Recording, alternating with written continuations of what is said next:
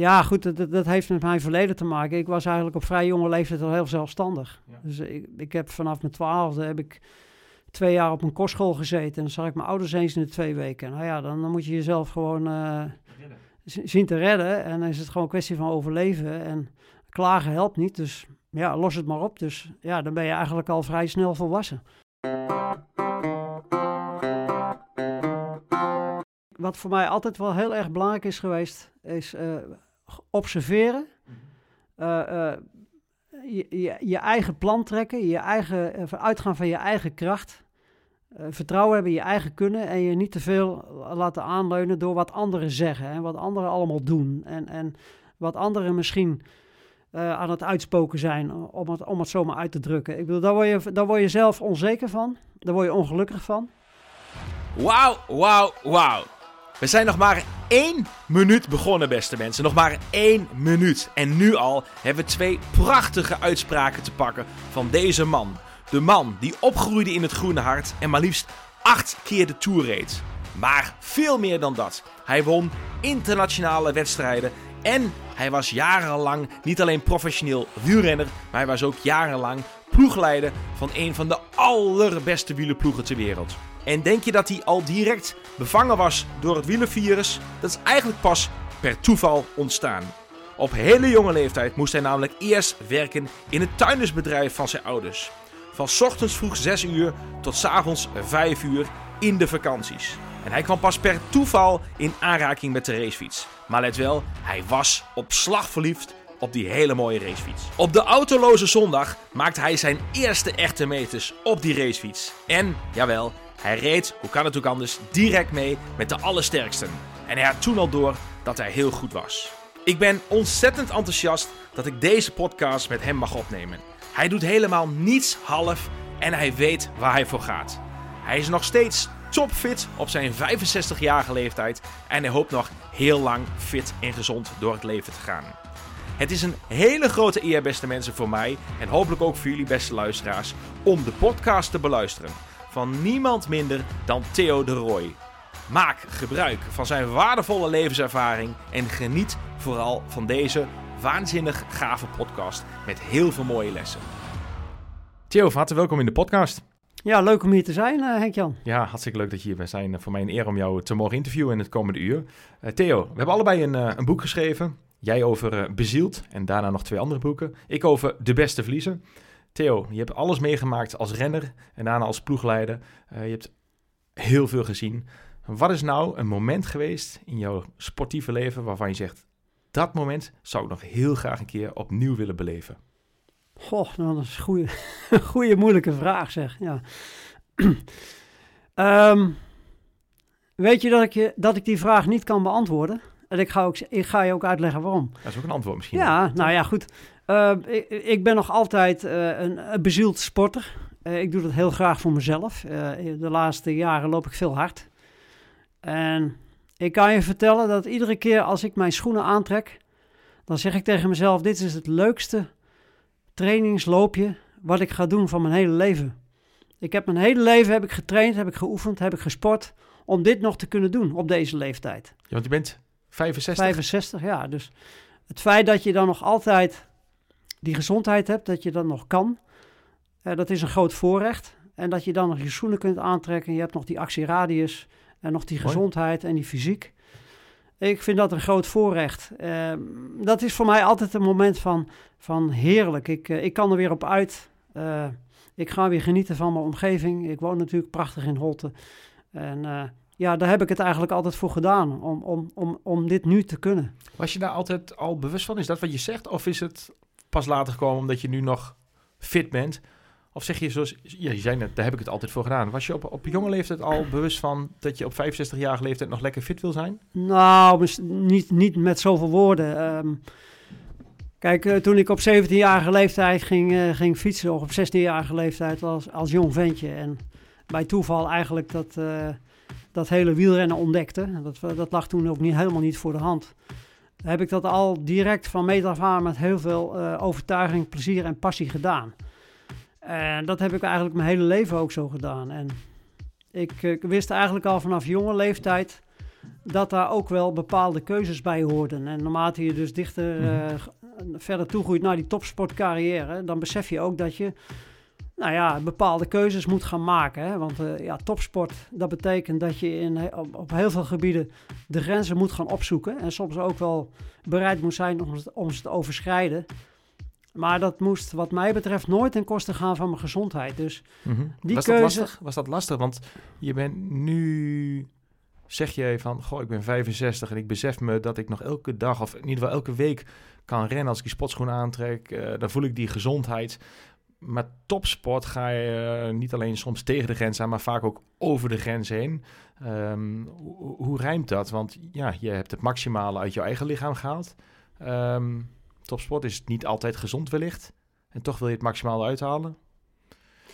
Nou ja, kijk, je beschikt natuurlijk over eh, heel veel talent. Anders kom je niet zo ver. Zeker. Eh, en ik heb ook een, laten we zeggen, een onverwoestbaar lichaam. Daar ben je mee geboren. Hè, dat is het geluk wat je eigenlijk hebt, wat je Mhm. hebt meegekregen.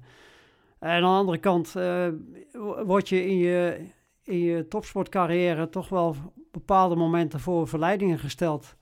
wa- waarvan je moet zeggen, oké, ik ga dat niet doen. Eh, ja, het is heel simpel. En, en Ik- geef toen- eens een voorbeeld van een verleiding waar je Nou ja, aan toen, bloot wordt gesteld, waar je zegt van dat, dat ga ik niet doen.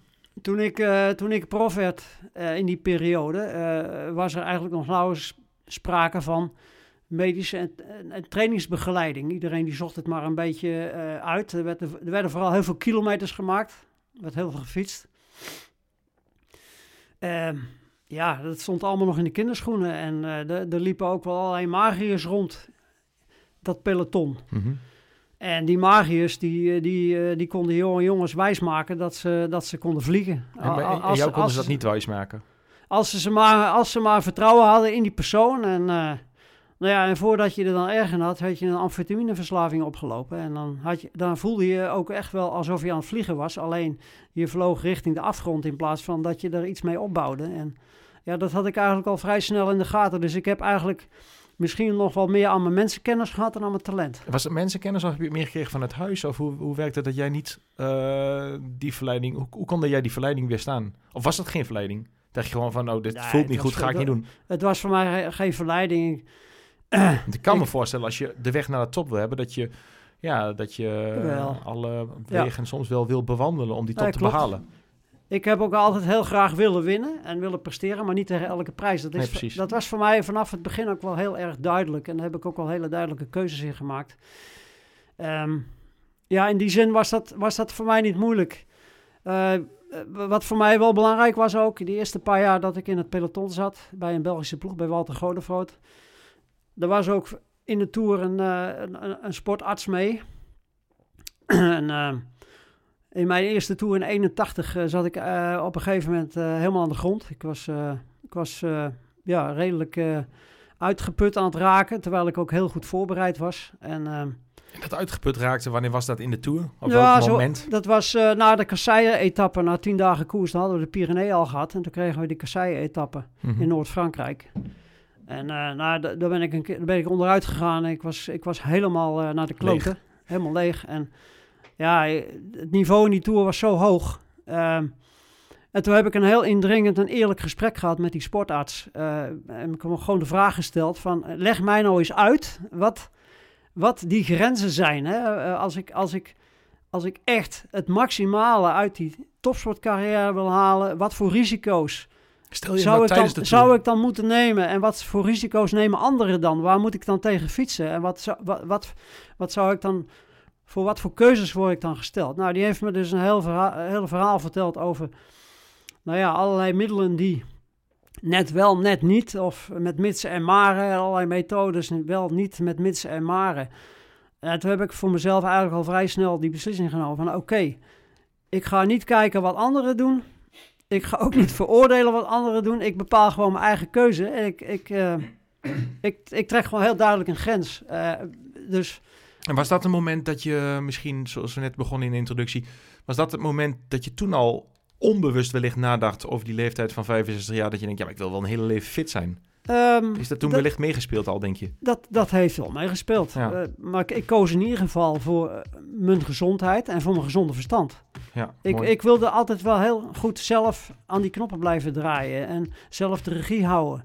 Wat zegt het En over goed jou? blijven nadenken over, over, over eh, ja, de gevolgen van bepaalde keuzes. Mhm. En nou ja, dat, Wat zegt het over jou als persoon? Eh, kun je daar eens iets eh inzage geven? ah, dat is helemaal niet zo ingewikkeld. Want Nee, hoeft toch niet, maar Toen ik, nee, ja, maar goed, je. toen ik, toen ik 17 was, zat ik op het ateneum. En, eh, en toen reed ik al tegen jongetjes van mijn leeftijd. Die, die hadden veel betere fietsen. die hadden veel meer tijd om te trainen. die hoefden niet te werken. ehm, die hadden, of ze hadden een, een of ander klein baantje. Alle tijd om in het wielrennen te steken. En die gingen het allemaal heel ver schoppen. ik dacht toen al op die leeftijd van nou, dat lijkt me niet zo slim. Want je kunt veel beter eh, je, moet ervoor, je kunt er veel beter voor zorgen dat je eerst een goede basis legt voor de rest van je leven. En als je vanuit die goede basis dan nog zou kunnen proberen om profrenner te worden. hoe, kwam jij aan die, hoe kwam jij aan die wijsheid? Had je dat gelezen of gehoord of Nee? Ik, ik was. Ja, goed, dat, dat- heeft met mijn verleden te maken. Ik was eigenlijk op vrij jonge leeftijd al heel zelfstandig. Ja. Dus ik, ik heb vanaf mijn twaalfde heb ik twee jaar op een kostschool gezeten. En dan zag ik mijn ouders eens in de twee weken. Nou ja, dan, dan moet je jezelf gewoon eh, Redden. zien te redden. En dan is het gewoon een kwestie van overleven. En klagen helpt niet. Dus ja, los het maar op. Dus ja, dan ben je eigenlijk al vrij snel volwassen. Ja. Ja, ik vind het ook wel interessant om. eh, is, eh, er zijn al wat dingen voor, voorbij gekomen van, eh, van je carrière. Maar misschien even mooi om terug te gaan helemaal naar het begin. Ehm, je hebt acht keer de tour gefietst. en daarnaast nog heel veel andere dingen gedaan. Ehm, even helemaal terug naar het begin. Waar is jouw liefde voor de fiets ontstaan? Had het ook iets anders kunnen zijn? Voetballen, tennissen, hardlopen? Of was het gewoon duidelijk Theo en Hmm. de fiets? Wanneer is het ontstaan? Ja, toen ik een jaar of 15, 16 was. Heb je Bij- een fiets gekregen? bij- Of heb je, hoe, hoe ben je naar gekomen met fietsen? Ja, bij toeval. Ja? Ja, kijk, je, je moet je voorstellen, ik, ik ben opgegroeid in het groene hart van, eh, van Utrecht, tussen, tussen Utrecht en eh, Woerden. Daar hadden, mijn vader had er een tuindersbedrijf. Wij woonden aan het eind van de doodlopende weg, midden in de polder. Daar was ook niks. Ja, in de buurt was er wel een voetbalclub, dus ik heb, ik heb als eh, pupilletje en als junior nog wel wat gevoetbald. In Vleuten en Harmelen. Eh, maar maar sport speelde ook helemaal geen, geen rol in die tijd. Maatschappelijk en sociaal gezien, want mijn ouders die werkten gewoon eh, zes dagen in de week. En eh, ja, ik moest zelf ook meewerken in, in het tuindersbedrijf. Maar mijn vader die zei op een gegeven moment tegen mij, toen ik zesde klas lagere school zat, van joh, jij moet gaan studeren. Jij bent veel slimmer dan ik. Eh, ik, ik, ik ploeter me hier helemaal kapot op dit bedrijf. Mhm. Eh, maar jij, eh, jij bent de oudste zoon, maar je hoeft niet het bedrijf over te nemen. Je mag gaan studeren als je dat wil. Dus Je kwam uit een gezin van vier kinderen. vier kinderen. Nou ja, dus ik, ik, ik mocht gaan studeren. Dus ik, ik, ben- ik ben dus twee jaar bij de paters en bij de, priesters, bij de nonnen geweest. Toen in Utrecht Atheneum. En toen had ik nog nooit een racefiets gezien. Ik had nog nooit een wielrenner gezien. Ik had nog nooit... Ja, ik, ik, ik, ergens vaag dacht ik dat Eddy Merckx een soort Nederlander was. Want ik had hem wel eens Nederlands horen spreken. Maar eh, ik had me er nog nooit in verdiept. Dus Had ook gekund, hè? De naam Eddie. ja, geen idee. Eh, ja, we hadden een katholieke krant thuis. En eh, ja, en voor de rest, ja, geen internet. Ja, ik, ik ken dat wel. Theo, er luisteren ook niet wielrenners naar deze podcast. Of misschien hele, hele, hele jonge renners. Nou ja, die zullen Eddie Merckx wel kennen. Maar echt voor de, voor de absolute niet-wielrenners die naar deze podcast luisteren. In één zin, wie is Eddie Merckx? Ja, Eddy Jij Merckx was... natuurlijk, ja, dat is iedereen, el- elke renner weet het, maar... Nee, maar Eddy Merckx was, eh, eh, ook als je hem naast Lance Armstrong zet trouwens, Mhm. Eddy was de grootste renner ooit. Ja, die precies. vijf keer eh, Tour gewonnen, eh, wereldkampioen meermaals. eh, op Parijs Tours na alle klassiekers meermalig gewonnen. Ja, bizar. Eh, ja, een enorm Ongekend. aantal over. Het is, het is het grootste fenomeen ooit op twee eh, eh, wielen. Ga verder. Ja, En ja, goed, hoe kom je dan? Ja, ik, ik, ik, ik moest altijd wel fysiek ploeteren op de tuin van mijn ouders. En, en, en, en als kleuter steppen naar de kleuterschool, drie kilometer heen en terug. En, en de fiets naar, later naar de middelbare school. Een Heb je daar ook een goede basis gelegd? Dat er echt al jongen Ja, gaan eh, veel bewegen? Ja, ja, ja. Eh, dat harde werken op, die, op dat tuindersbedrijf. Eh, Ja. zes weken grote vakantie, drie weken werken. Van zes tot vijf. Zes dagen in de week. Eh, en dan altijd fietsen door weer en wind. We werden nooit naar school gebracht. Ja, toen, ik, eh, toen ik vier was, ging ik al, was ik al een uur per dag aan het steppen. Naar de kleuterschool. En alleen, hè. Dus dat kun je je niet meer voorstellen nu. En ja, bij toeval. eh, eh, eh, Er kwam, wij gingen, ik, ik had een goede vriend, Arthur van Dijk. En we reden elke dag eh, van, van Vleuten naar Utrecht en weer terug 15 kilometer naar middelbare school. En, en, vrijdagmiddag gingen we altijd een patatje eten in de cafetaria onderweg. In, eh, in de Javastraat, in, in Lombok, Utrecht. En er kwam een nieuwe eigenaar in die cafetaria. En die had vroeger gefietst. Dat was wielrenner geweest. Die had foto's in zijn zaak hangen. Van zijn wielerloopbaan, dat hij een koers won. En eh, ik had net een, een, eh, een sportfiets met een derailleur gekocht. Dat was ook wel toevallig, maar ik vond Mhm. het wel een interessant ding. Ja. En, en ik vroeg toen aan die, eh, John Meijer heette die man. Ik zeg van, joh, eh, heb, je, heb, jij dan nog, heb jij die racefiets dan nog? Hij zei, ja, die staat in de kelder. Hij nam mij mee naar de kelder. En dat was de eerste keer dat ik een racefiets zag in mijn leven. En die tilde ik op met één pink. En ik was Omdat gelijk... die fiets zo licht was, omdat hij juist zo sterk was. Nou, die fiets was toen nog bijna 10 kilo. ja, dus die- precies. In die tijd waren ze nog niet zo... Nee, maar ja, dat was, toen, dat was toen natuurlijk al licht. Maar ja. ja, zeker. Ja, was alles een is pra- relatief. prachtige fiets met vergroomde vork, eh, vorkpunten en een campiolen materiaal. Ja. Schitterend. Ik denk, ja, maar dat moet ik ook hebben. Die had je nu nog moeten hebben. Ja, ik heb nu nog wel zoiets. Maar, Oh ja. nee, maar dat moet ik ook hebben. En nou ja, ik heb, ik heb toen een verkeerde fiets gekocht. Maar wat, wat maakte dat je toen verliefd werd op die fiets? Dat je echt dacht, prachtig. ja, ik vond het zo'n mooi ding. Maar wat was, wat, wat, wat was mooi? Was het de, de, de, Ja, de kleurstelling, de, de de, kleurstelling, de, de, wat- kleurstelling, die vergroomde eh vork eh, uiteinden, eh, die, dat oranje frame, die, die, die glanzende onderdelen, die aluminiumwielen, dat minimalistische design, hè, die smalle buisjes. Ja. Er zat verder niks op en aan wat, wat overbodig was. Was gewoon een schitterende machine. Was dat een, zeg maar, je was op slag verliefd? Ja, Was dat de start van je wielencarrière? ja Eigenlijk. dat dacht ik van, dat moet ik ook. Naast het feit dat je daarvoor al een krachtige, letterlijk een krachtige baas hebt gelegd met ja. het, eh, het, het spotten op Ja. hele jonge leeftijd. Nou ja, toen kocht ik, toen kocht ik een verkeerde fiets eigenlijk, een verkeerde maat. En op die fiets ben ik toen voor de eerste keer tijdens de autoloze zondagen naar de Volharding gereden. Dat was de wielerclub in Utrecht. Op advies van mijn eh, nou, begeleider, zeg dan maar, hè, de, de man Mhm. van de cafetaria. Ja, en, eh, ja. en ik kom op die club met die verkeerde fiets. Ik had nog geen wielerkleren. Groot of te kleine fiets? Nee, veel te groot. Of veel te groot? Ja, dat was een drang, man. ja, Moest je nog ingroeien? ja, die, die voorzitter die stond daar. ik had wel daar een voorstelling van gemaakt. Ik kom op een wielerclub en dat is, dat is een wielerbaan. En er staat, er staat een heel mooi gebouw, weet je niet. En daar komen al die wielrenners uit met al die mooie fietsen. En dat ziet er allemaal gelikt uit. Dus ze konden aanrijden. eh, een hoekje van een industrieterrein tegenover een Coca-Cola-bottelaar. Rijden er allemaal glas op, op de straat en waren aan het, aan het aanvegen.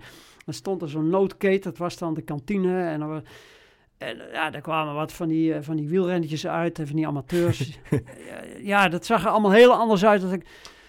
En toen vroeg die voorzitter van, joh, eh, wat kom je hier doen? Ik zei, ja, ik kom hier, ik wil er kijken. hè. Misschien, misschien, ik ik misschien ga ik wel een keer fietsen. Hij zei, maar heb je geen zin om mee te doen? Ik zei, ja, ik heb geen wielenbroek, ik heb, ik, ik heb niks bij me. Geen, geen, geen, ik had sportschoenen nog, ik had wielerschoenen. Hij zei, nou, als je een, een helm leent van iemand, die zet een helm op voor de veiligheid, eh, dan, mag je het wel proberen. Dan ga je er maar even tussen rijden. Nou ja, prima. Dus eh elastiekje onderbroek, huppatee, ik Uh-huh. spring daartussen. En eh, nou ja, ik werd dus niet gelost. Ja, sterker nog, ik reed gewoon met, met, met de amateurs reed ik een beetje Mee. mee op kop. En Ik zie met je hand draaien, een beetje. Een beetje ja, was, meedraaien. en, en, meedraaien en ze groep. dachten toen van, wat, komt, wat is dat voor een idioot zeg. Ja, en, eh, ja. En ja, eigenlijk... Wist je, wat, wat, wist je toen dat je, ehm, dat je toen goed was? Had je dat toen meteen door? wist, ik had toen wel gelijk door dat ik goed was. Ik denk van ja, maar ik- die gasten die hebben allemaal eh, wielerkleren aan en wielerschoenen. En, En ik fiets hier gewoon mee. en die strakke eh, en betere fietsen. En ik rij hier gewoon mee, weet je niet. En, en dat was te verklaren naar je, ja, zeg maar, A, je, gewoon je enorme voorsprong die je gewoon hebt meegekregen van het huis uit, vanuit je genen. Een Ja. sterke, sterke Ja. man, maar ook omdat je al op hele jonge leeftijd elke dag heel veel hebt bewogen. Ja, ook. En, en, Toch? Ja, en ik ben ook iemand, ik, ik kan niks half. Hè. Dus Nee. als ik dan op zo'n fiets zit en ik zit in zo'n peloton, dan wil, dan, dan wil ik ook wel laten zien ik kan, weet je niet. Dat Dus, is de mindset. ja. Ja. Mooi. Toen, ehm, toen was de liefde voor de sport geboren. Wanneer was voor jou eh, het moment dat je dacht van, nou, ik ga daar... ehm, het was, werd niet alleen liefde, maar ik, ik word een leven lang renner. ja, dat, dat, daar ben je op een gegeven moment groei je daar natuurlijk langzaam naartoe. Hè? Mhm. Eh, Ik was, eh, eh, het tweede jaar dat ik wielrennen was, zat ik al in de nationale eh juniorenselectie. Deed ik mee met het wereldkampioenschap. Werd ik tien op het wereldkampioenschap. Elfde Jos Lammertink. Ja, precies. Dus toen wist je... Dus het tweede jaar wist ik, reed ik al tegen de... Het, twe- het tweede jaar dat ik wielrennen was, reed ik de- eh, mijn eerste buitenlandse internationale wedstrijd. Die won ik gelijk. Nee, precies. Dus al heel heel jonge leeftijd wist Ja, je... Dit is... en ik won, ik won dat, dat jaar won ik ook eh, de week na het wereldkampioenschap tijdens een, een Zwitserse rittenkoers won ik twee ritten op één dag. Tegen internationale renners, Italianen, Oostenrijkers, Zwitsers Mhm. en Belgen. en het najaar won ik nog een etappe in de Ronde van Oostenrijk. Dus ik was, ik was onwaarschijnlijk goed. Ik had heel veel talent. Maar ik, ik had me ook altijd voorgenomen, ik ga eerst mijn ateneum en mijn HAO afmaken. En dan ga ik pas overwegen om... En waar, waarom wilde je dat? te worden. Wat, waarom, waar, van waar die gedachte? Want Nou ja, veel sporters op jonge leeftijd zie je denken van... ik ga de sport, de sport, de sport, Ja. de sport, punt. En die school zal me gestolen worden, sport. En jij hebt toch die, die, twee, eh, eh, die tweedeling gehad. En sport, maar ik wil ook iets met die school hebben. Die wil ik ook afronden. Ja, maar ik, ik haalde daar voor mezelf ook wel voldoening uit. Ja. Als ik, eh, al- als ik, ik, ik, wist dat ik het mezelf niet wak- makkelijk maakte hè, door eh, tot drie uur in de collegebanken te zitten en daarna nog even gauw te moeten gaan trainen. Mhm. Maar ik had het daar op een bepaalde manier had ik daar wel een stukje kracht uit. Als ik tegen die jongens kon rijden, die dus de hele dag tijd hadden om te trainen en ik kon ze nog een beetje rijles geven. En zeker als dan eh, de grote vakanties begonnen en ik had mijn tentamens gehad, dan had ik alle tijd om in het wielrennen te steken. Ja, Mhm. dan was ik helemaal los. Hè. Dus in de zomer reed ik altijd eh, echt goede uitslagen, internationaal ook. Hoe, eh, hoe heb je geleerd in jouw... eh, is- we zitten nu nog in de fase van jouw jonge carrière, je jonge jaren. Is de start van je carrière. Hoe heb jij geleerd als profrenner om een betere renner te worden? Had je een voorbeeld renner waar je naar keek? Ehm, heb je een goede ploegleider gehad? Van wie, van wie heb je geleerd? Hoe, was, wat, hoe is jouw manier van leren geweest? Ehm, ik heb altijd vooral heel goed om me heen gekeken. eh, en- en goed gekeken hoe het wel moet en hoe het niet zou moeten. Mhm. Kun je eens een voorbeeld geven van wat je kan herinneren, wat je zag, wat je dacht, hey, Nou dat is goed en dat is wat minder goed? Bij mijn eerste ploeg waar ik bij reed, bij IJsboeken, daar, daar, daar, daar was op dat moment was er een, eh, een, een, een soort eh omwenteling aan de gang. Eh, er zaten twee oude ploegleiders van de oude stempel. Mhm. Eh, ja, die, eh, ja, ik zou bijna zeggen, die jongens hadden bijna een steekje los. Eh, Walter Godefroot, die was vlak daarvoor, het jaar daarvoor gestopt met wielrennen. En die, die was ook als ploegleider toegevoegd aan die ijsboekenploeg. En dat was wel een man met een, met een visie. Die snapte ook wel wat voor omstandigheden je moest creëren voor jonge renners om te kunnen excelleren, om te kunnen presteren. En, ehm, En, kun dat je was een voorbeeld geven? Kun je Ah ja, dat is, dat is een man die, die, was, die was tactisch goed en die was goed qua programmering. Die wist goed in te schatten eh? Mhm. wat je kwaliteiten waren. Ik, ik wilde bijvoorbeeld het eerste jaar wilde ik heel graag al de Tour de France rijden. Eh, Mhm. Ik was niet te houden. Eh, En, en, en Walter die heeft toen letterlijk tegen mij gezegd van, dat moet jij niet gaan doen.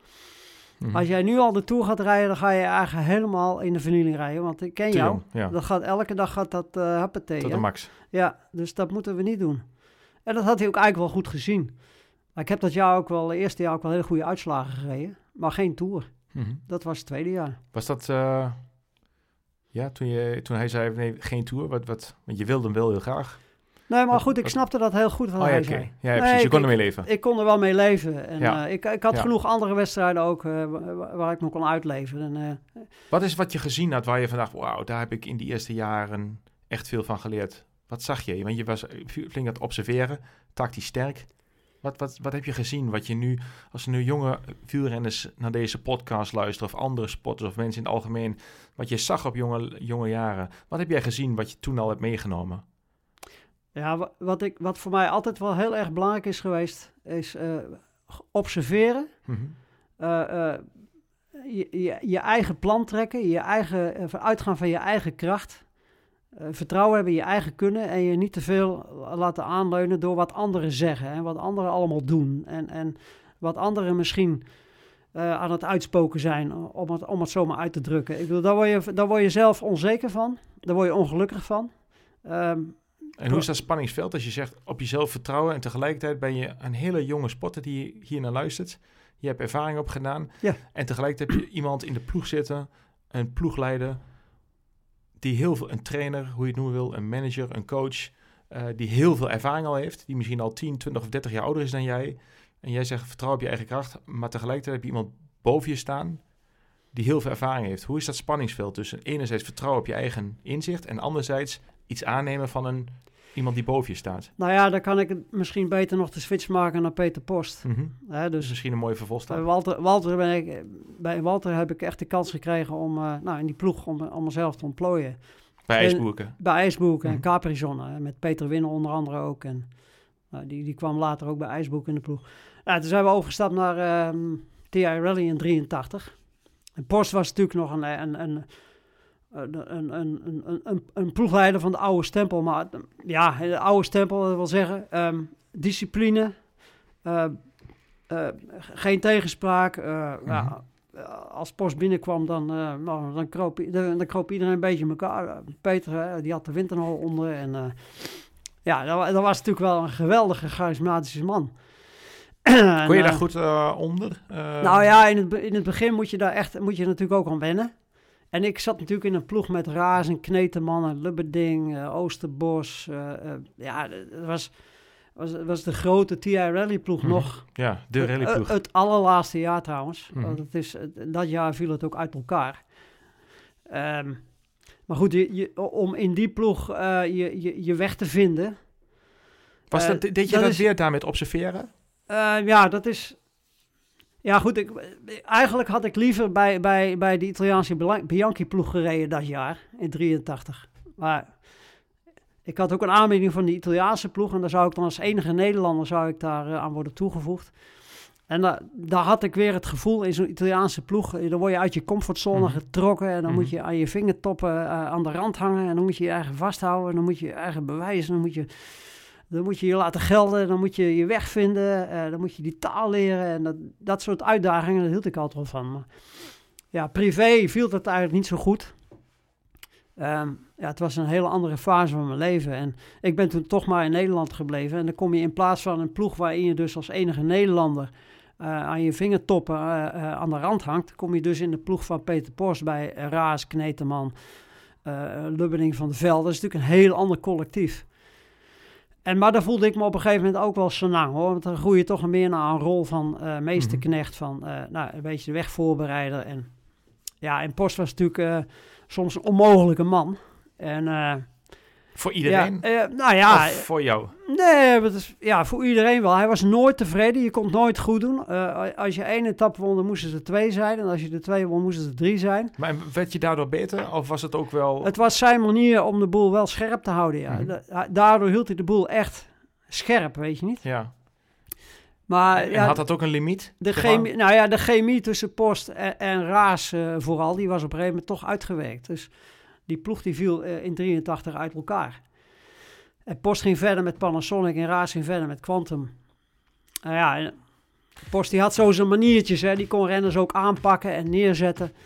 En op een gegeven moment eh, ben ik er een keer tegenin gegaan. Ik zei, ja maar god, Post, nou moet je eens een keer ophouden. hè. Mhm. nou, ben ik het, nou, nou heb ik het wel een keer gehad, hè, met, eh, met dat, iedere keer datzelfde gezeik. Zoek maar een ander. En vanaf het moment dat ik Post eh, weerwoord ben gaan geven, kreeg hij ook meer respect voor je. Want dat, de- eigenlijk was het dat eigenlijk hetgene wat hij altijd uit die renners wilde halen. Hij, als je een beetje narren en een beetje er tegenin gaan, kijken of hij ze uit de tent kon lokken. En ja, Is er iets wat in die wijze les in zich zit... wat jij nog steeds gebruikt in het dagelijks leven? Of naar anderen toe? Of voor nou ja, jezelf kijk, toe? het, het is, je moet Je hebt er heel veel aan gehad. ook, ja, nou ja, ik, ik, En, en, ik werd er zelf ook beter van. Dus ik, ik, ik, het gaf mij ook zelfvertrouwen. Doordat ik du- durfde tegen Post in te gaan, Mhm. nam hij mij wat serieuzer, zeg maar. En, en kreeg ik daardoor ook weer wat meer zelfvertrouwen. Ik bedoel, het, is, het is ook wel weer een wisselwerking, hè? En, en ja, het, het bijzondere van de verhouding met, met Post is uiteindelijk geworden, geweest dat... eh, ja, er werd... dat is een hele anekdote. Er werden in die jaren werden er ook wel eens sigaretjes gerookt, stiekem. Hè? Eh, s- S'avonds na de etappe even, na het eten even de nicotine ontspant, weet je niet. Zeker. En dat Ja, werd in de ploeg werd dat, werd dat heel vaak, eh, werd dat natuurlijk stiekem gedaan. Want eh ja, waar als de dood op post erachter kwam. Maar ja, Op een gegeven moment eh, kwam ik een keer aanrijden in de Tour naar een doopcontrole. En Post die zat met zijn gast eh, langs het zwembad. Eh, hij had zo'n mooie witte korte broek aan, een mooi shirt en witte schoenen. En, maar je kent Post wel, hè? Mhm. Het Mhm. grootste woord. Kom er even bij zitten. nou, ik erbij zitten aan het zwembad. nou. Wil je ook wat drinken? Ja, een biertje. Nou, ze zaten allemaal aan sigaretten. Heb je nog ergens zin? in? Ja, doe maar een sigaretje. oh ja, maar dan kan helemaal geen kwaads gepost. Eh, Ik deed ik ook altijd na die jacht in de zes dagen. Dus tot mijn grote verbazing bood hij me een, eh, een sigaretje aan. Ik zat gewoon een sigaretje te roken. En, en sindsdien heb ik, eh, Friends heb ik life. verschillende momenten gehad dat Mhm. dan bleef ik, dan kwam het voor dat ik na het eten lang aan tafel bleef zitten als enige renner nog. En dan zei Post tegen mij, zullen we nog even wat doornemen? Ik zei, ja, dat is goed. Dan liepen we naar buiten, liepen, zochten we ergens een heel rustig tafeltje op een terrasje. En dan staken we een sigaretje op en dan eh, zaten we even te... en al die anderen, die rookten allemaal nog stiekem. Ja, dat is een mooie anekdote, dankjewel. Ja, Ja. mooi. Eh, wat is het meeste wat je van hem hebt geleerd? ja. Ehm, hij, was, hij was natuurlijk wel heel goed in het, in het, in het bij elkaar zoeken en, eh, van, van, van, van, van allerlei uiteenlopende karakters en, en talenten Mhm. en expertise. En hij maakte daar een ploeg van. Op zijn manier, hè? Op zijn manier. En, eh, er- is maar één Peter Post en er is ook maar één manier Post. Eh, dat had ook soms wel... eh, ja, soms waren er ook wel wat grote mislukkingen. Het laatste jaar dat ik wielrenner was bij Post hadden we Rooks en Teunissen. En Rooks haalde die voor de derde keer terug bij Panasonic. En dat werd, dat werd weer een fiasco. En met Teunissen ook. En eh, ja, na dat jaar was het gewoon één grote bende in de ploeg. Met rechtszaken, Teun van Vliet en Jan-Paul van Poppel. En nou ja, Rooks en Teunissen die geen deuk in een pakje boter reden en ook weer weggingen. En eh, ja, toen werd ik eigenlijk door Henk en door Post benaderd om ploegleider te worden. En dat was echt, het kwam voor mij volledig uit de lucht vallen. Nou ja, en in 91 begon ik als ploegleider Mhm. met Ludwig en Vondriest en met Ekimov en met, met een mooie internationale ploeg. Ik spreek mijn vijf talen. Ik was volledig in mijn, eh, in mijn element. Ja, en we hadden ook weer een hele goede ploegleiding die goed samen kon werken. Dat was in 19, eh, dat was in het laatste jaar dat ik renner was, eh, was dat ook een groot probleem. Dus ik viel daar eigenlijk wel heel goed, goed tussen. En ja, Ja, vooral, is- dus het is vooral, het, Ja. het, vooral het, het, de wisselwerking die je, die je hebt met een coach over, Mhm. op, op, op het menselijke vlak, Ja. Op het trainingstechnische vlak, op het eh, wedstrijdtechnische vlak, op tactiek. De klik op alle. Ja, maar ik had met Post ook vaak discussies hoor. Want ik, ik brak in 84 brak ik een sleutelbeen. En eh, nou, toen, eh, ja, ga maar kermiskoers rijden. En dan kom je Mhm. terug in competitie en dan heb je een beetje, een beetje wedstrijdkilometers. Ik zei, ja, maar ik ga geen kermiskoersen rijden. Maart, april. Ik wil ja, echte maar je moet competitie, je moet competitie nou. Ik zei, nee, ik ga liever twee weken in de Pyreneeën trainen. Want dat deed ik toen al één keer per jaar. Ik deed hoogste stages in de Pyreneeën. In die tijd was ik al een van de weinigen. Ja, maar je kunt, op, je kunt met trainen kun je nooit opbouwen wat je in een wedstrijd kunt opbouwen. Ik zei, ja, dan ga ik een kermiskoers rijden in, in, in West-Vlaanderen. Ja, dan rijden er een paar pannenkoeken weg en je mist de slag. En weg. En dan kun je na een half uur kun je weer naar huis gaan rijden. Ik zeg, Ja. je kunt toch veel beter een, een goede gedoseerde training doen op hoogte. Ja, maar je hebt competitie. Nou, ik ga wel naar de Pyreneeën en ik neem mijn verantwoordelijkheid daarvoor. Nou ja, dan is het jou, dan moet jij het maar doen. Oké. En die vrijheid kreeg je. En ik reed de Amsterdam Gold Race, mijn eerste koers.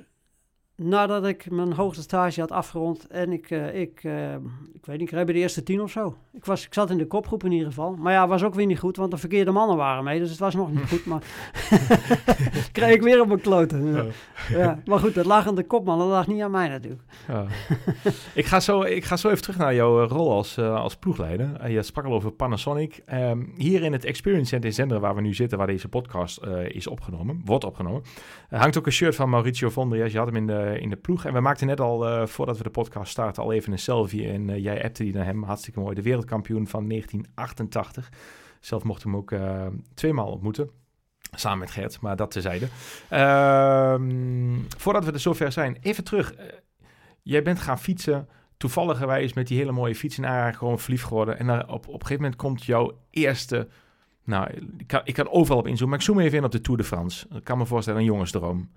Wat, wat, wat, Ehm, wat voelde je toen, toen je dat reed? Of was een andere etappe die echt voor jou... Wat was nou de eerste grote etappe die jij reed of ronde waarvan je zegt van wauw, dat was voor mij kippenvel. Dat was voor mij echt de, de, de grote droom. Echt de eerste Ja. grote tocht in je carrière.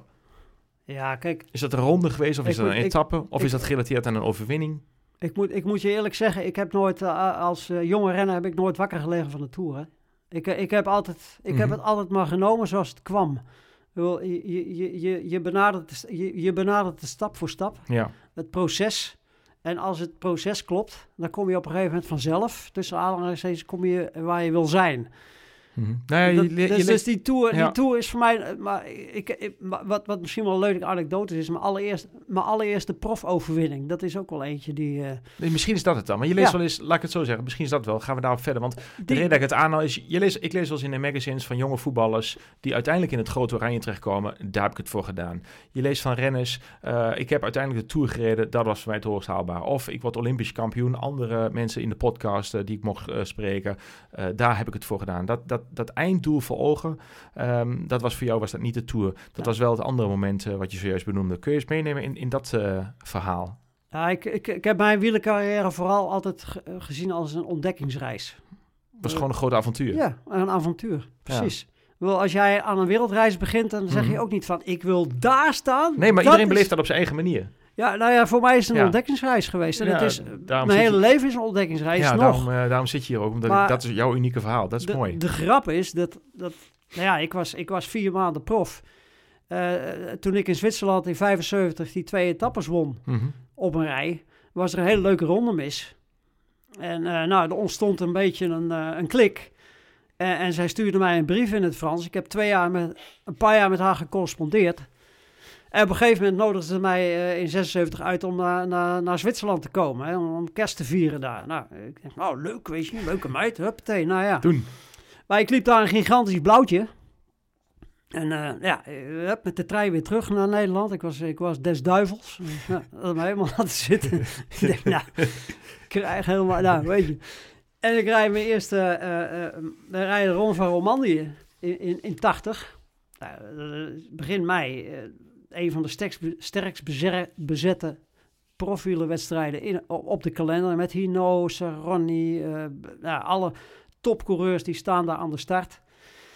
En eh, ja, er was dus een etappe naar, eh, naar Lausanne. De- naar de plaats ook waar ik dat blauwtje had gelopen. Mhm. En ik, ik had een beetje me in verdiept. En in, in het lokale organisatiecomité zat haar buurman.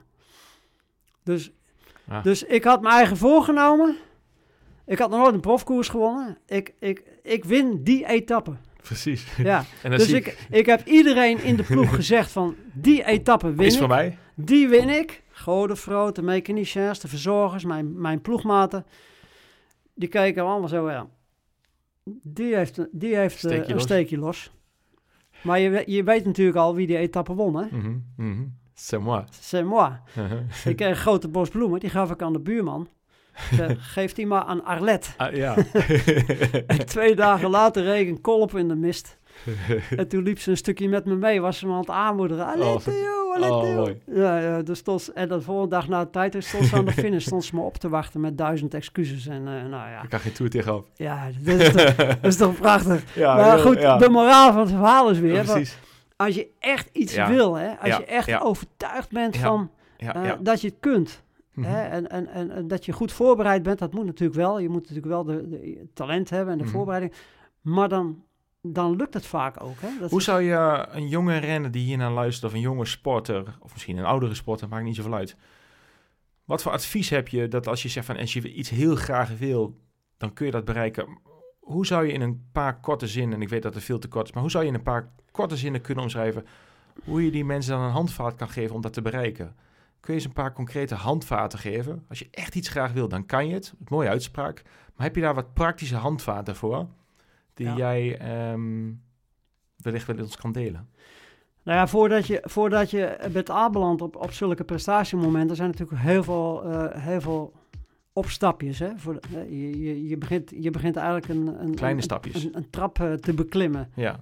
Dus elke dag repeteren, kleine stappen dus nemen el- is, dus is één. Elke, elke stap die je eigenlijk zet, die- Op weg naar dat doel Op weg naar dat doel is belangrijk. is één. Dat is, dat is één. Wat is een tweede? Dus je moet, je moet, je moet niet, eh, als je, dat, als je dat doel stelt, moet je niet vergeten al die kleine Mhm. andere tussenstapjes eh, te zetten en te waarderen. En ook het belang daarvan van in te zien. Ja. Ja, in mijn eigen trainingen die ik mag eh, verzorgen, zeg ik ook wel heel vaak. Mensen onderschatten vaak de kracht van kleine stappen. En mensen overschatten de kracht van een hele grote stap. Ja. En dus we eigenlijk overschatten we dat. Ja. En we onderschatten vaak de hele grote kracht die achter hele kleine stapjes Ja. zitten. Dus elke dag, dat zeg je ook. Oké, om, eh, om dus dat hele mooie doel te bereiken, eh, die droom te bereiken. één is het maken van kleine stappen systematisch en over een langere periode. Een tweede wijze les die je daarin deelt om, om dat te bereiken. Heb je een ander praktisch iets waarvan je zegt, nou, om daar te komen, is dit mijn tweede les?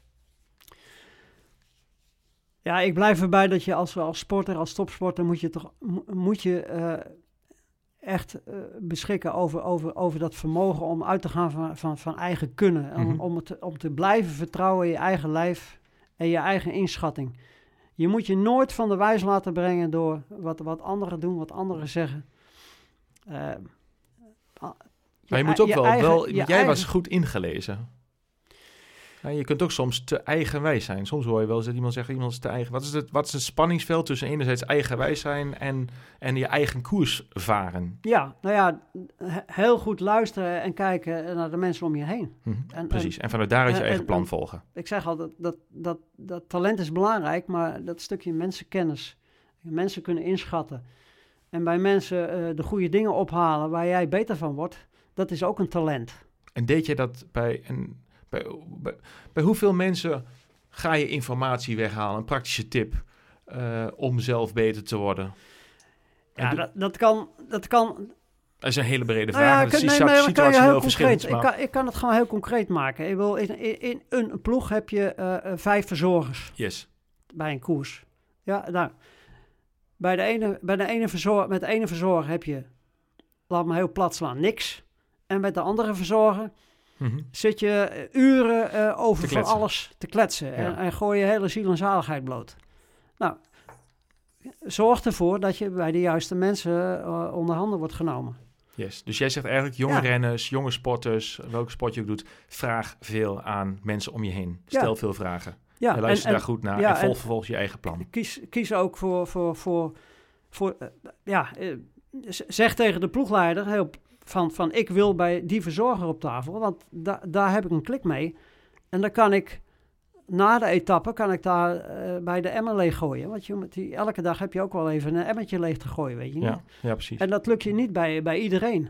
Nee. Dus dat heeft ook weer te maken met, met eh, de, de keuze die je maakt voor mensen om je heen. Eh, de kwaliteiten van de mensen om je heen. Bij, bij de een past die en bij de ander past die. Het gelukkig vallen we niet allemaal op dezelfde mensen, op dezelfde vrouwen, want anders was het heel saai geweest of heel moeilijk. Maar Ja, wat lastig. je wordt heel lastig. Ja. Mooi. Dankjewel. Mooie, mooie lessen eh waar de luisteraars zeker wat, eh, wat mee kunnen. Ehm je, werd, je werd omschreven als een tactisch rennen. Ehm, wat is een tactisch rennen? Wat, wat, wat was de tactische... Wie was de tactische renner, Ja, Theo? ja, Wat, ik- wat is een tactisch renner? eh, de, dat, dat, de, de, de meesterknecht of de, de superknecht. Maar niet el- is elke meesterknecht een tactisch rennen? Eh, ja, eh, Ja, goed. per- ja, per definitie wel. Goed zo. En- het en een is niet zonder het ander. Nee, helder. En ehm, hoe uitte zich... eh, wat, wat doe je als meesterknecht? Wat is dan tactisch? Om daar eens op in te zoomen in gedrag. Wat, hoe, hoe acteer je in de koers of in de training? Nou, ik, ik kan je een heel duidelijk voorbeeld van een meesterknecht is José de Kouwer. Mhm. En, En, en, kun je, Henny Kuiper. en kun je zeggen wat zij dan doen doordat ze zo'n goede meesterknecht zijn? Wat Hen- doen zij?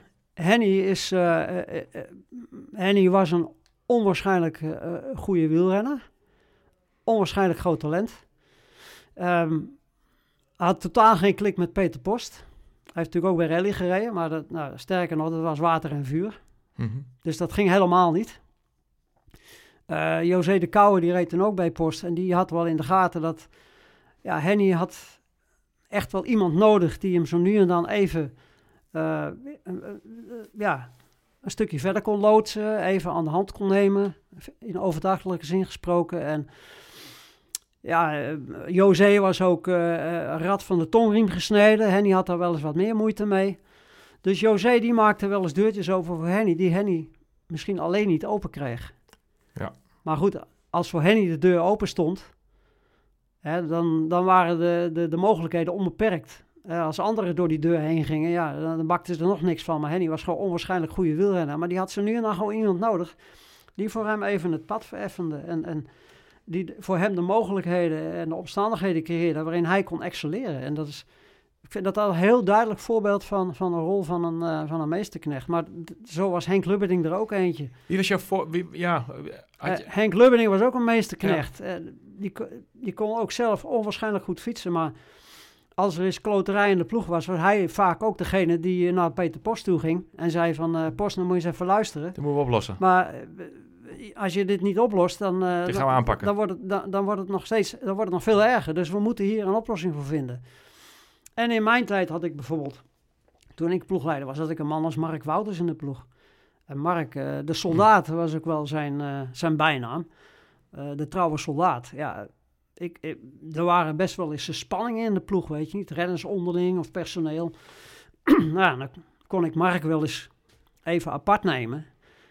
Eh, zo van, ja, Mark, hoe gaan we dit aanpakken? Hoe kan, eh, hoe kan ik jou inzetten om, eh, om, om die plooien glad te strijken? Zonder het vertrouwen van, van de renners te beschamen. Hè? Want je, je- Mhm. je moet geen spion worden van de ploegleiding. Maar ik wil gewoon dat, dat er weer harmonie ontstaat op de werkvloer. Dus ik, ik, ik vertrouw op jouw signalen en op jouw kunde Mhm. om die plooien glad te strijken. En, nou, hoe, en hoe we dat zouden kunnen doen. En daar was hij ook, ja, ook meester in. En toen ik het overnam van eh, Jan Raas bijvoorbeeld, als, eh, als ploegleider, als manager, was het voor mij heel belangrijk om heel snel ook weer alle neuzen de goede kant op te krijgen en het vertrouwen van die Rabobank te krijgen.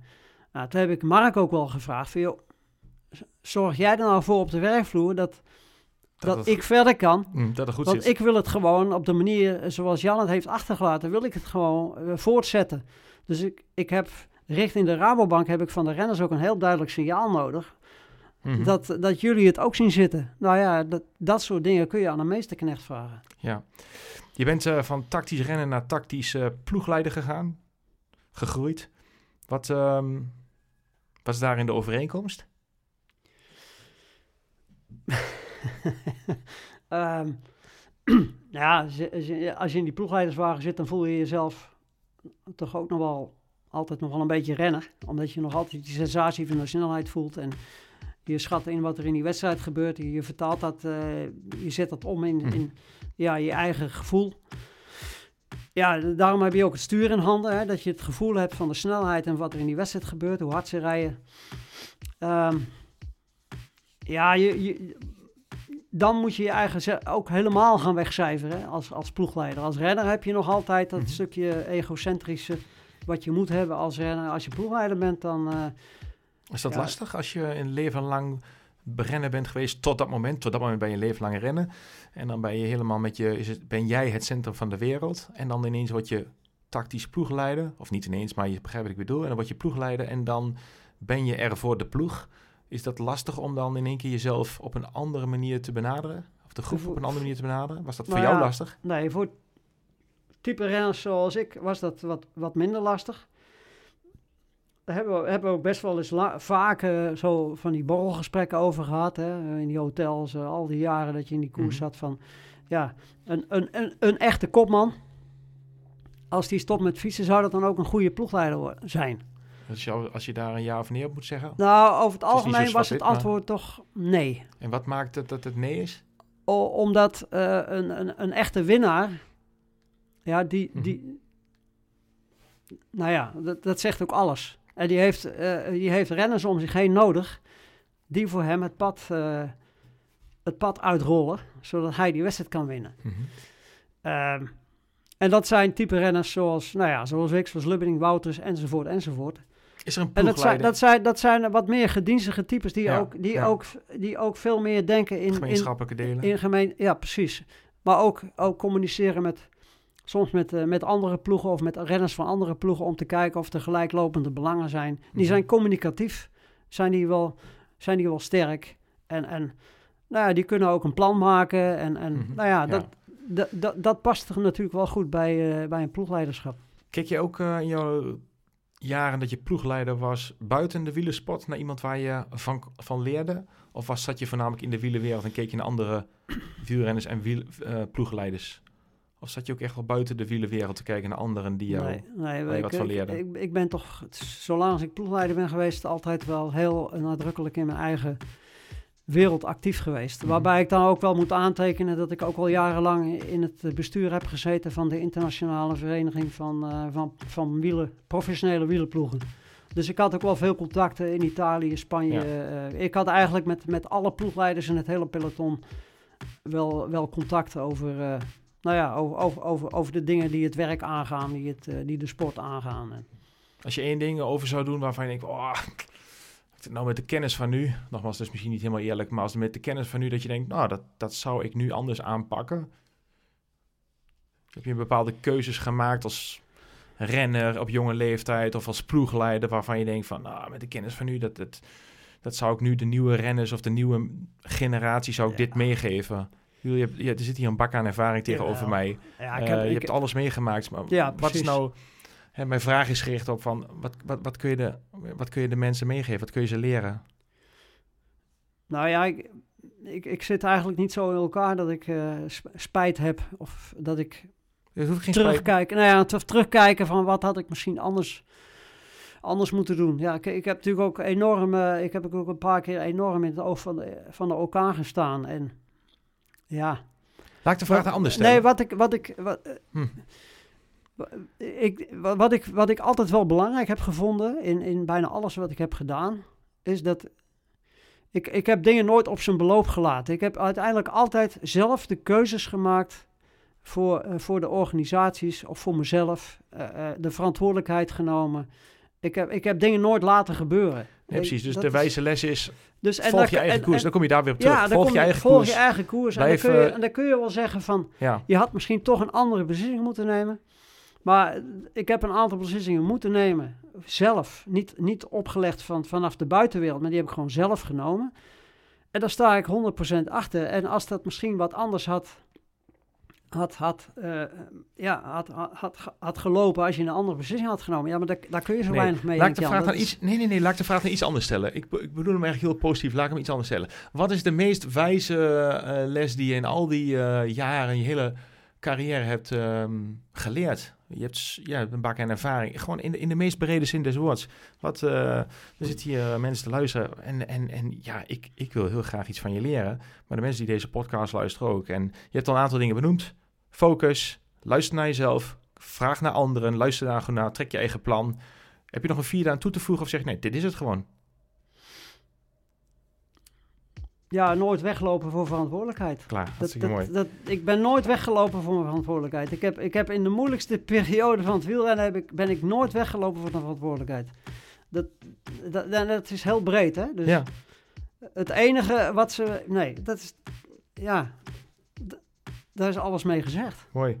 Wat is... ehm, ja, ik vroeg je in het begin aan de opening van wat is nou het mooiste wat je meegemaakt? Is er iets komen, binnenkomen van, ja, zeg, dat is lastig, maar is er iets waarvan je zegt, "Poh, dat had ik echt nog een keer over willen doen? Dat je van, dat was zo gaaf, die wil ik echt, daar krijg ik nog een keer kip van. Theo, we, zitten nu midden in het Experience Center, in de, in de podcast studio. En toen we net voorspraken, toen spraken we over Mauricio Vondra's. Ik zei tegen jou, daar komen we nog op terug, doen we zo. Maar voordat we dat doen, noem jij de naam van de Ludwig. Ehm, was ook een mooie, wa- vertel, dat was ook een mooie herinnering wat je daaraan hebt. Ik vroeg aan jou, wat is nou de mooiste, wat is nou de renner waar je het meeste mooie, mooie herinneringen aan hebt? Of die het Ja, meest bij is gebleven, maar... Eigenlijk wat ik, eh, wat ik wel heel mooi vind van mijn loopbaan. We zitten natuurlijk nu in een, eh, in een hele hectische periode hè, van Rusland, Oekraïne. Mhm. ons, ons hele wereldbeeld wordt op de schop genomen. En ehm, ja, toen ik, toen ik jong wielrenner was, eh, was dat wereldbeeld eh, werd dan nog heel er- enorm bepaald door eh, het ijzeren gordijn en de Berlijnse muur. Ja. Er, er was dus echt sprake van twee werelden. Dat had ook gevolgen voor, voor de sport, hè? want de Olympische Spelen was niet toegankelijk voor profielrenners, voor profsporters, profvoetballers, proftennissers. was alleen maar toegankelijk voor amateurs. Mhm. En dat had te maken eh, met dat ijzeren gordijn, hè, met die Berlijnse muur. Want de sporters uit het Oostblok konden, mochten geen prof worden. Want dat bestond niet, dat waren amateurs. Ja. Dus voor hen was het platform om te excelleren de Olympische Spelen. eh, en die waren gesloten voor, eh, niet toegankelijk voor profsporters. En wij hadden dan de, de Tour de France. En daar konden dus de Oostblokkers weer niet aan deelnemen, want die konden geen prof worden. Nou ja, mijn eerste, eh, een van mijn eerste wielerwedstrijden was de Ronde van Oost-Duitsland. Dat was een ongelooflijk avontuur. Ik heb in 78 ook de Ronde van Slowakije gewonnen. Ik was misschien wel de eerste niet, West- eh, niet Oostblok winnaar van de Ronde van Slowakije in 78. Ja, dat was een avontuur, weet je. Dat is heel Mhm. primitief. Ik, ik weet nog dat ik eh, de dag voor de koers met mijn racefietsje aan de grens stond, aan de Russische grens stond. En dat ik mij voorstelde wat er zich allemaal achter deze grens eh, bevond. Nou, dat was toen nog de Oekraïne. En tot Vladivostok, hè. Dus dat, Ja, daar, voel je, daar voel je heel nietig. Maar gewoon het feit dat je dus deel hebt uitgemaakt van dat, van, van, van dat tijdperk. Hè? Dat je, ik heb daar ge- gefietst met Russen. Daar heb ik nu nog een vriend aan overgehouden. We hebben nog wekelijks contact. Wat leuk. Maar hij werd tweede en ik werd winnaar van de Ronde van Slowakije. En het jaar daarna rij je dan die Ronde van Oost-Duitsland. Dan rij je de eerste etappe, rij je de hele Oost-Duitse selectie naar huis. Eh dan rijdt ook een ene Olaf Ludwig zijn allereerste etappenwedstrijd als amateur. Eh, hij won een etappe. Ik was toen nog leider in de koers. We staan in een krantenartikel van Neues Duitsland. Proletarier aller Länder vereinigt euch. Staan we nog op de foto met z'n tweeën, weet je niet? Wat mooi. Ja. En dan word jij prof. iets. En Olaf, die gaat door als amateur. Die wordt nog Mhm. Olympisch kampioen in Seoul. Die weet op een gegeven moment ook niet meer wat hij met zijn loopbaan aan moet. Want hij kan toch nooit prof worden. En dan valt ineens de muur. En toen kwam en het... komt Olaf naar Nederland. Eh Post die had hem gelijk vastgelegd voor Panasonic. Met eh, de Rus Ekimov. Ik haalde hem naar Valkenburg en hij werd mijn buurman. En we zijn samen gaan trainen. We hebben de oude herinneringen eh, gedeeld. En, en hij werd een onwaarschijnlijk goede wielrenner. Ik heb met hem zoveel plezier gehad. eh. Ik zie het aan je. Ja, dat was ik echt... zie het ook eh, op je gezicht. ja, nee, maar dat was echt Ja. zo mooi om, ja, om, om- hoe, hoe, hoe, dus geopolitieke gebeurtenissen mensen dan toch weer bij elkaar brengt, weet Ja. je. En En jij bent super slank, Theo. Slank en rank postuur. En, en jouw, ehm, jouw collega waar je nu over spreekt, omschrijft hij. Je hebt net al eh, voor de podcast eh, op record stond, eh, zei je al van, hij was niet een, Olaf, ja, ja, wij waren allemaal weg. ja, hij die- was niet heel rank en slank, dus vertel. Nee, Olaf was één, één bonk spieren. En Grote benen, heel hij, groot. toen hij de eerste, zijn- de eerste keren in het profpeloton rondreed, werd er om gelachen. Ja, maar Als wat- een soort van groot Wat fitness... ga, jij, wat ga jij doen met, met die dikke varkensreet, man? Ga Ja. jij nog... jij bent sprinter? Nou. nou ja. Eerste, eerste eh, etappe, eerste eh etappekoers, Route del Sol. In februari, aankomst in Benial Madena Costa. mhm. Aankomst van een kilometer, 5% bergop. Ze stonden niet op de foto. hij kwam alleen aan. hij, kwam- hij sprintte ze gewoon tot vierkant uit het wiel. Vanaf dat moment was het respect daar. daarna hebben ze nooit meer om nee, gelachen. nee. En daar won het jaar daarna nog de Amsterdam Gold is op mijn verjaardag. En ja, we zijn 25 jaar later zijn we nog bij Mauricio geweest in Ronsen. Weet je niet, heb ik ook verteld. Daar. Ja. Ja, de luisteraar heeft het nog niet gehad. Mauricio Vondria is de Ja. wereldkampioen van 88 in de Panasonic ploeg. Ehm, en het hele mooie shirt van hem eh, hangt hier in het Experience Center. Echt prachtig. Maar ehm, ik, ik, jij zei van... ehm, ik vroeg aan jou van waarom is Mauricio Vondriest eh zo goed? En toen zei jij tegen mij... hij is zo goed omdat hij, Ja, hij, heeft een, hij heeft een bepaalde... eh, hij, hij heeft een gunningsfactor. hij een vergunningsfactor. En En, toen zei ik, hij- toen zei ik tegen jou... Sorry dat ik je onderbreek, maar doe Ja. het bewust eventjes. Ik zei tegen jou, waarom is Mauricio, Mauricio zo goed? En toen zei jij, hij heeft een gunningsfactor. En toen zei ik, ja, maar alleen met de gunningsfactor word je toch geen wereldkampioen? En toen zei jij eh, iets heel moois, waar ik denk van, hey, wauw, daar zit een mooie les in. Toen zei je, nou, het is niet alleen, je wordt niet wereldkampioen vanwege de gunningsfactor, maar je moet een team om je heen Ja. creëren. En dat was de ehm, gunningsfactor die had. Omschrijft het zo goed? Eh, In een nutshell? ja, nee, dat klopt. Eh, en, en, en wat, voor hem, wat hem ook wel bijzonder maakte, was het feit dat hij eh, Italië verliet Mhm. en in, in een Noord-Europese ploeg ging fietsen. In een vreemdelingenlegioen. De Italianen, dat waren toch over het algemeen altijd wel jongens die op hun eigen schier, schiereiland bleven. En als het begon te sneeuwen, dan begonnen ze op mijn moeder te janken. Ah, Ciopero, cia- staken, ciopero, eh, sneeuw, veel te koud, veel te gevaarlijk. Nou, dat zijn echt Italianen, weet je niet. Mhm. Als het eh, een beetje moeilijk begon te worden, begonnen ze te janken. Even heel plat. en dan Maurizio, een van de grote Italiaanse renners, die gaat dan weg uit Italië en die gaat in een Noord-Europese ploeg rijden bij Peter Post. Mm, nou ja, die, die is dus echt wel uit zijn comfortzone gestapt. Eh, en ja, hij moet ook eh, Engels gaan leren en eh, ja, hij, is- hij moet zich aanpassen. Is toch de grote Maurizio wereldkampioen geweest. Maar door zijn, ja, door zijn persoonlijkheid, eh, het feit dat hij, zich, dat hij zo zijn best deed om zich aan te passen, maar toch ook wel weer in, sla- slaagde om die renners achter hem te krijgen en ook die renners voor hem te winnen, ja, bleef, was en bleef hij succesvol. Kijk, wat is... ja, maar een hele andere vraag. Wie is jouw meest belangrijke persoon geweest in jouw carrière? We zitten zo'n beetje, we gaan een beetje richting het einde van de podcast. eh. wie is jouw belangrijkste persoon geweest in je carrière? Als je er al één kan noemen. Maar je moet er nu één noemen. Nee. Je kan er niet eh, één noemen, maar... Nou ja, goed, eh, eh, Peter Post. Mhm. Helder. Goed zo. Dus, Ehm, we- zijn als ja, e- ploegleider, eh onuitstaanbaar, eh, nou, eh, eh, onderling respect. Heb je ook van hem het meest geleerd? Of is van iemand anders waar je het misschien van... Ja, ja dat, Of is dat lastig? dat is lastig. Maar Ja. ik, heb van hem, ik heb van hem wel heel veel over. Ik, ik heb van hem wel heel veel te danken ook. En ehm, ja, bijzonder is dat we later ook echt vrienden zijn geworden. Dus dat is, we hebben een heel traject afgelegd. Mhm.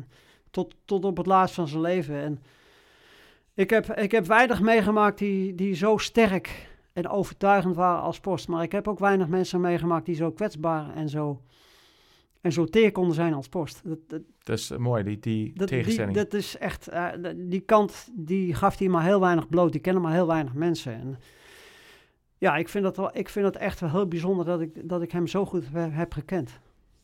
Ja, dat Ja. geloof ik. Wat is, ehm, welke wensen heb je nog, eh, Theo, in het leven? Wat zou, je nog, ehm, wat zou je nog willen doen in je leven? Je bent nog hartstikke jong, Ja. 65 jaar, je bent Ja. fit.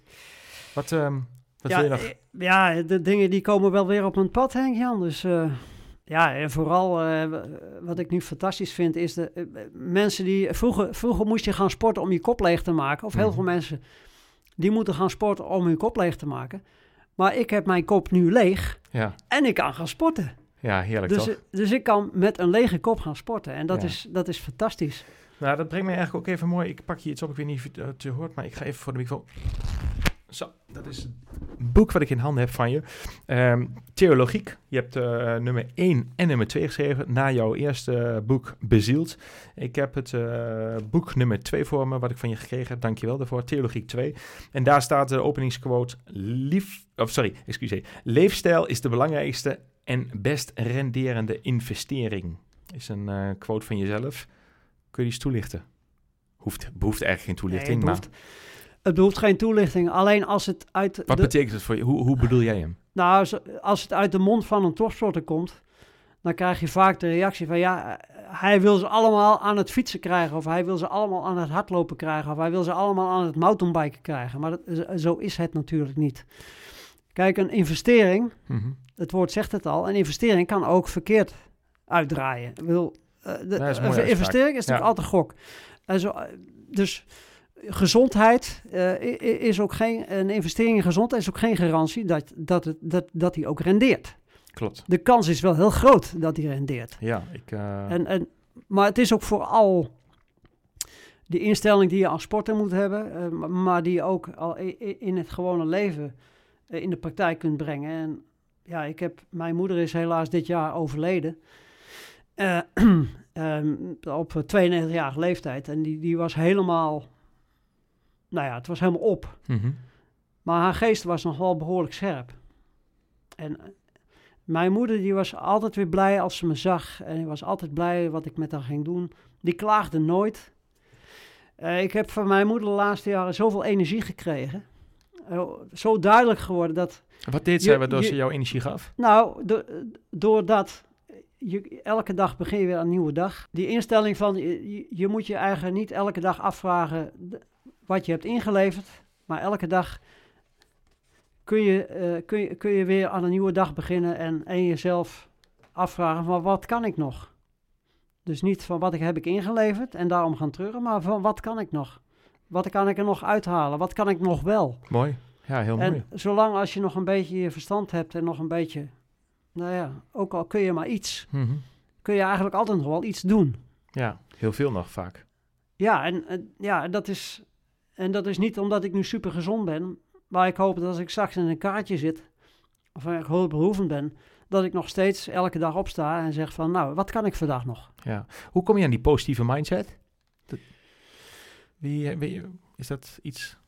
Ja, goed, Niet je- iedereen is zo positief zoals jij. Daar ben je natuurlijk ook wel mee geboren, maar ik, Ja. ja, en ik, ik, ik, zie, ik zie het nu aan mijn moeder. Ik denk, ik denk wel dat ik een beetje eh, de, gezondheid heb van mijn moeder. Zij Mhm. kreeg als allereerste... De fysieke of ook de, ja, de, de, de- fysieke. ook de positieve zij mindset? kreeg als allereerste inwoner van het zorgcentrum kreeg zij corona in 2020. Toen waren er nog geen vaccinaties. Mhm.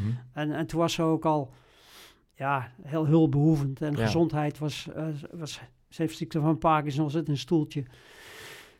Eh, ze heeft twee, is twee dagen een beetje verhoging gehad. En eh, geen enkel probleem. Niks van overgehouden. Dus ze heeft, zij beschikt over ijzeren gezondheid. En ja, ook, ook wel die instelling van... Nou ja, eh, wa- wat kan ik vandaag nog in plaats van... Wat, wat is jammer wat ik niet meer kan.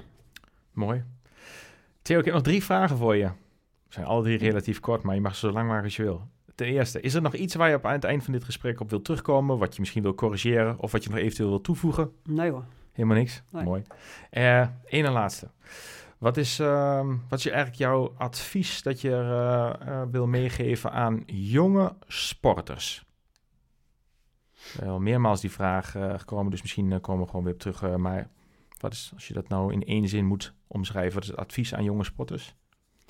Investeer in je, in je loopbaan. Mhm, Mooi. Investeer in je studie, investeer in je carrière. Want ehm, er is altijd een combinatie te vinden tussen sporten en studeren. Mooi. En, en je, zult uiteindelijk zul je veel meer leren van, eh, van die, die discipline die je jezelf moet opleggen om die combinatie te maken. Daar zul je in, in, je, in de rest van je leven veel meer aan hebben dan misschien die trainingswinst die je in die paar jonge jaren zou kunnen opbouwen. En dan is het ook maar de vraag of dat, dat lukt. Mooi. Maar de discipline om het een met het ander te combineren, om die keuzes te maken, daar ga je de rest van je leven heel veel aan hebben. Hartstikke mooi. Dan ga ik naar de laatste. Soort van levensvraag, levensles. Theo, je mag op 200 billboards in de wereld. Die staan op de 200 meest grote, belangrijkste plekken in de wereld. In die zin, er komen miljoenen mensen elke dag langs. Op die 200 billboards mag jij één quote plaatsen. Een woord of een zin of een quote. Welke quote staat op het bord dat dagelijks door miljoenen mensen wordt gelezen, Theo?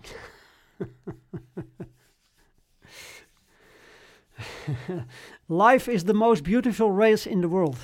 Hartstikke mooi. Dankjewel. Theo, het was me waar genoegen. We hebben een goed uur met elkaar eh, gesproken in het eh, Experience Center in de podcast studio. Hartstikke bedankt. Het was me waar genoegen. Een eer om jou te mogen eh, ontvangen in deze podcast van Sportvoeding Webshop.